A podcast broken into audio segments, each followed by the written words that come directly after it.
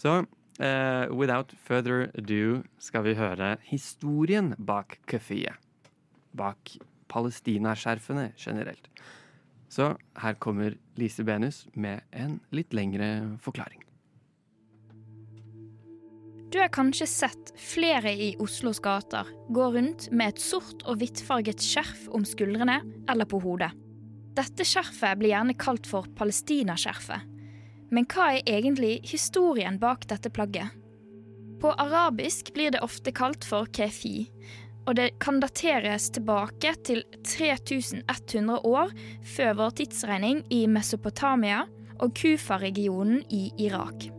Historisk sett er en kefi et rektangulært skjerf laget av bomull. Det ble brukt for å beskytte hodet mot den sterke solen, i tillegg til å beskytte munnen og øynene fra støvet og sanden som ble blåst opp av vinden. Designet på selve skjerfet det kan variere. Det er som oftest hvitt med innvevde mønstre i enten rødt eller sort. Det innvevde mønsteret består ofte av tre forskjellige design. Det første mønsteret finner vi ytterst langs kanten og er ofte tolket som blader fra oliventreet. Oliventrær står sentralt i den palestinske kulturen og er fremdeles helt sentral i deres økonomi. Disse olivenbladene de kanter til noen tykke linjer som går rundt skjerfet.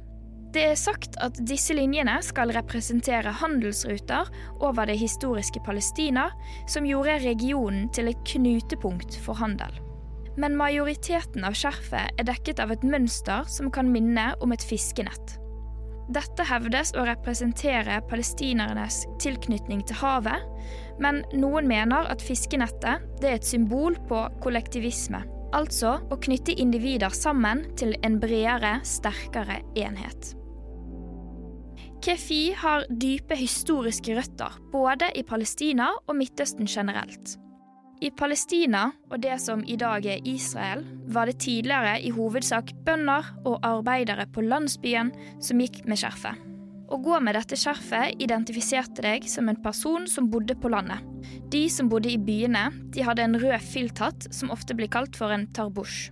Disse to forskjellige hodeplaggene skilte de to klassene tydelig fra hverandre.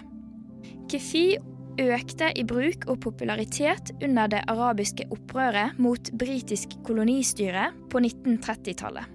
Skjerfet ble brukt for å skjule ansiktet og dermed identiteten til de opprørske. Da britene forsøkte å bannlyse bruken av kefi, begynte store deler av den palestinske befolkningen å gå rundt med skjerfet, uavhengig av klasse og bakgrunn. Dette gjorde det vanskeligere å identifisere de opprørske fra de sivile i folkemengden. På 1960-tallet fikk skjerfet internasjonal oppmerksomhet i sammenheng med fremveksten av det palestinske motstandsbevegelsen og den framtredende palestinske politikeren Yasir Arafat.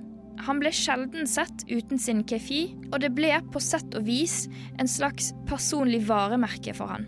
Han steilet skjerfet ved å la det drapere ned over høyre skulder for å ligne et kart over det palestinske og israelske området som var tegnet av britene før 1948. Da de israelske myndighetene bannlyste bruken av det palestinske flagget fra 1967 til 1993, vokste det fram et behov for et symbol på den voksende palestinske identiteten. Dette gjaldt både om du bodde som palestiner i Israel og i Palestina.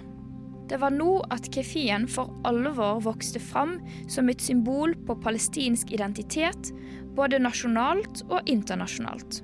I dag blir kefien brukt for å uttrykke solidaritet med den palestinske befolkningen. Men mønsteret på skjerfet er flere ganger blitt brukt av store klesmerker som Asos, Topshop og Urban Outfitters. Dette til stor kritikk både fra palestinere og israelere, og har i tillegg skapt en debatt rundt bruken av kefi og kulturell appropriasjon. Om du sjøl har lyst til å skaffe deg en kefi eller et palestinaskjerf, så finnes det butikker i Oslo sentrum hvor du kan skaffe deg det. Men om du tar det på deg, er det som aktivister på alle sider vil påpeke, viktig at du husker på historien og betydningen bak det kulturelle plagget. Der hørte du Lise Benus forklare deg historien bak kefiet, altså palestinaskjerf.